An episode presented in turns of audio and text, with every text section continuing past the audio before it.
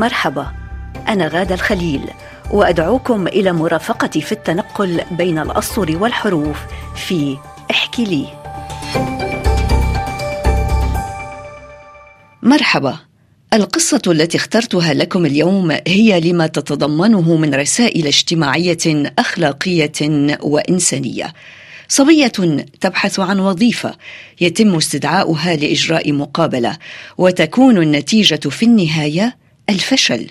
كيف ذلك مع أنها أجابت على الأسئلة بكفاءة وثقة؟ هنا بيت القصيد. لماذا يا ترى؟ هل نحتاج في حياتنا العملية إلى أمور أخرى غير المعرفة والدراسة أدعوكم للتعرف على الإجابة بعد الاستماع إلى مقابلة عمل لمينا أسعيد أطلق عصفور الصباح تغريدته الأولى معلنا فجرا جديدا. حرك جناحيه بخفة نافضا عنه خمول الليل. أيقظتني زقزقته العذبة قبل أن يرن المنبه. لم أنم جيدا. ظللت أفكر طوال الليل وأنا أتقلب في السرير كأنه قطعة من الصبار الشوكي. كلما تقلبت على جهة انغرزت في أشواكه الحادة. عقدت الكثير من الآمال على هذه المقابلة بعد سنة ونصف من تجرع مرارة البطالة وتوالي الخيبات. كل فوج يتخرج يخلف عشرات العاطلين ليلتحق بركبهم فوج لاحق وهكذا دوليك. كثرت الشواهد وقلت فرص العمل. أعدت أمي مائدة الفطور. لم تكن لدي شهية للأكل. اكتفيت بكوب حليب وبضع تمرات. ثم دلفت إلى غرفتي لأبدل ملابسي وأحضر أوراقي قبل الخروج وقد اشترطت علي كاتبة الشركة عندما اتصلت بي أن أصطحب أمي معي. شرط لم أفهم دواعيه إلا بعد حين.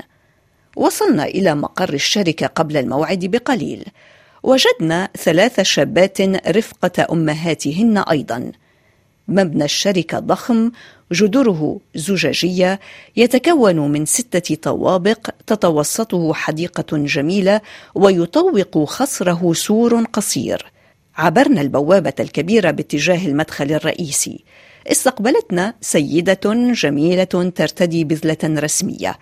دعتنا للجلوس في صالة الاستقبال في انتظار قدوم المدير. بعد نصف ساعة تقدمت السيدة نحوي وطلبت مني أن أتوجه إلى الطابق السادس رفقة أمي. رافقتنا إلى المصعد والابتسامة لا تفارق وجهها. انفتح باب المصعد على ممر طويل يؤدي إلى مكتب المدير. أجبت عن الأسئلة بكل فخر وثقة في النفس أمام أنظار أمي. طلبت مني الكاتبة أن أترك حقيبتي اليدوية مع أمي وأرافقها لاستكمال الاختبار واقترحت علي هذه المرة استعمال السلالم بدل المصعد استغربت كيف سننزل من الطابق السادس إلى الطابق السفلي عبر السلالم سينقطع نفسي القصير قبل الوصول. استسلمت لقدري وشرعت في النزول بتذمر. ران صمت رهيب لم يكسره سوى قرع حذاء الكاتبه ذو الكعب العالي على الأرضية. توقفت في الطابق الرابع وأنا ألهث. أخذت نفسا عميقا حتى ارتفع صدري ثم أطلقت زفرة عميقة. نظرت إلي الكاتبة وهي تومئ باستئناف النزول. وبعد جهد جهيد وصلنا أخيرا.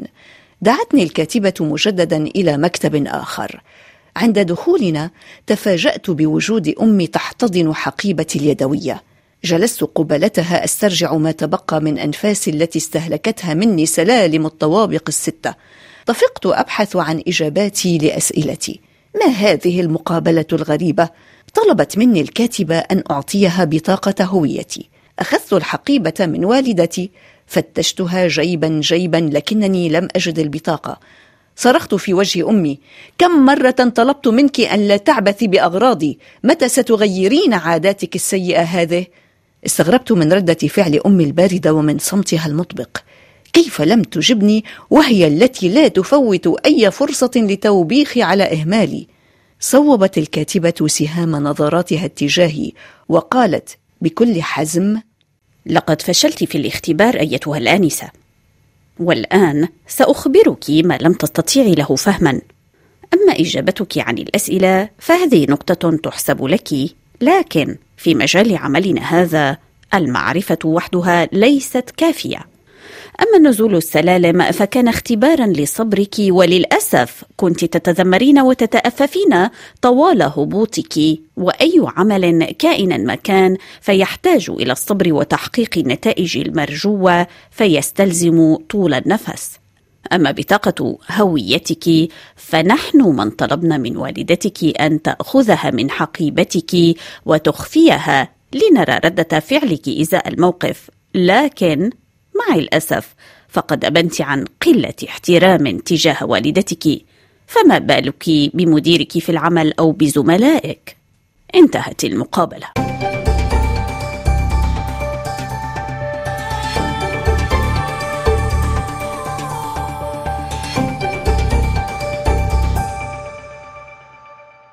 استمعنا إلى مقابلة عمل بقلم مينا أسعيد ومعنا الأستاذة باسمة العنيزي مرحبا بك ما رأيك بالقصة التي استمعنا إليها؟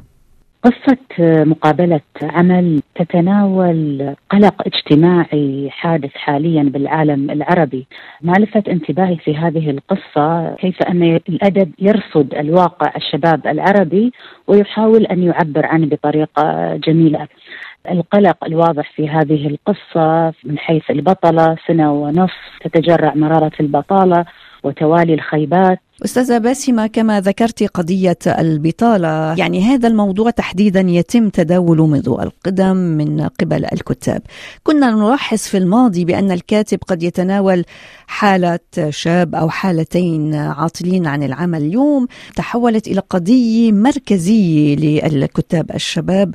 قديش يعني اليوم القضايا اللي عم بيعيشها مجتمعاتنا المعاصرة عم يكون لها تغيير من ناحية الكتابة واستخدام الفكرة لدى جيل اليوم؟ فعلا مينا سعيد عكست واقعها الدقة. معدل البطالة اليوم في المغرب يعني تجاوز نسبة العشرة بالمئة. الحصيلة الأكثر الفتيات في معدل البطالة أكثر من الشباب الذكور. لهذا لاحظنا في القصة البطلة فتاة شابة وأيضا الفتيات في انتظار الوظيفة أثناء مقابلة العمل في مبنى شركة ضخم. ثلاث شابات أيضا رفقه امهاتهن نعم. فهذا يعني يشير بشدة إلى معاناة المرأة المغربية من موضوع البطالة. نعم. في العالم العربي فعلا هي مأساة كبيرة خاصة أن أغلب أعداد الشعوب لدينا أعمارهم أقل من ال 21 سنة. فهذه مثل قنبلة موقوتة في كل عام. هناك الآلاف ومئات الآلاف من الشباب يفترض أن يدخلوا سوق العمل.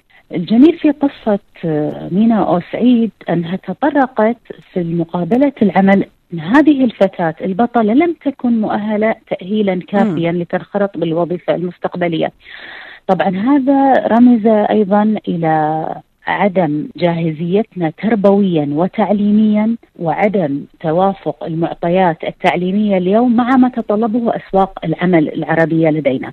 هذه كانت يعني التقاط جميلة منها وظفتها في القصة نعم. ونحن أيضا نعاني من أزمة تعليمية شديدة جدا بالوطن العربي وأتمنى أن يتطرق لها الأدب وخاصة قصص الشباب اليوم طبعا ردة الفعل الموظفة التي استقبلت هذه الفتاة بالمقطع الأخير من قصة مقابلة عمل لأنه فورا أعلمتها بأنه المقابلة انتهت وفشلت في الاختبار أيتها الأنسة من جراء رده الفعل. صحيح. وهون يمكن أنا حابة أتوقف عند الشباب اللي أحيانا يملك إمكانات جميلة ولكنه في أول الطريق. هناك من يعتبرون إنه هن من أول الطريق يريدون الوصول لأنه في جملة كثير مهمة قالت لها بتقول لها إنه العمل أي عمل كائن هو يحتاج إلى الصبر.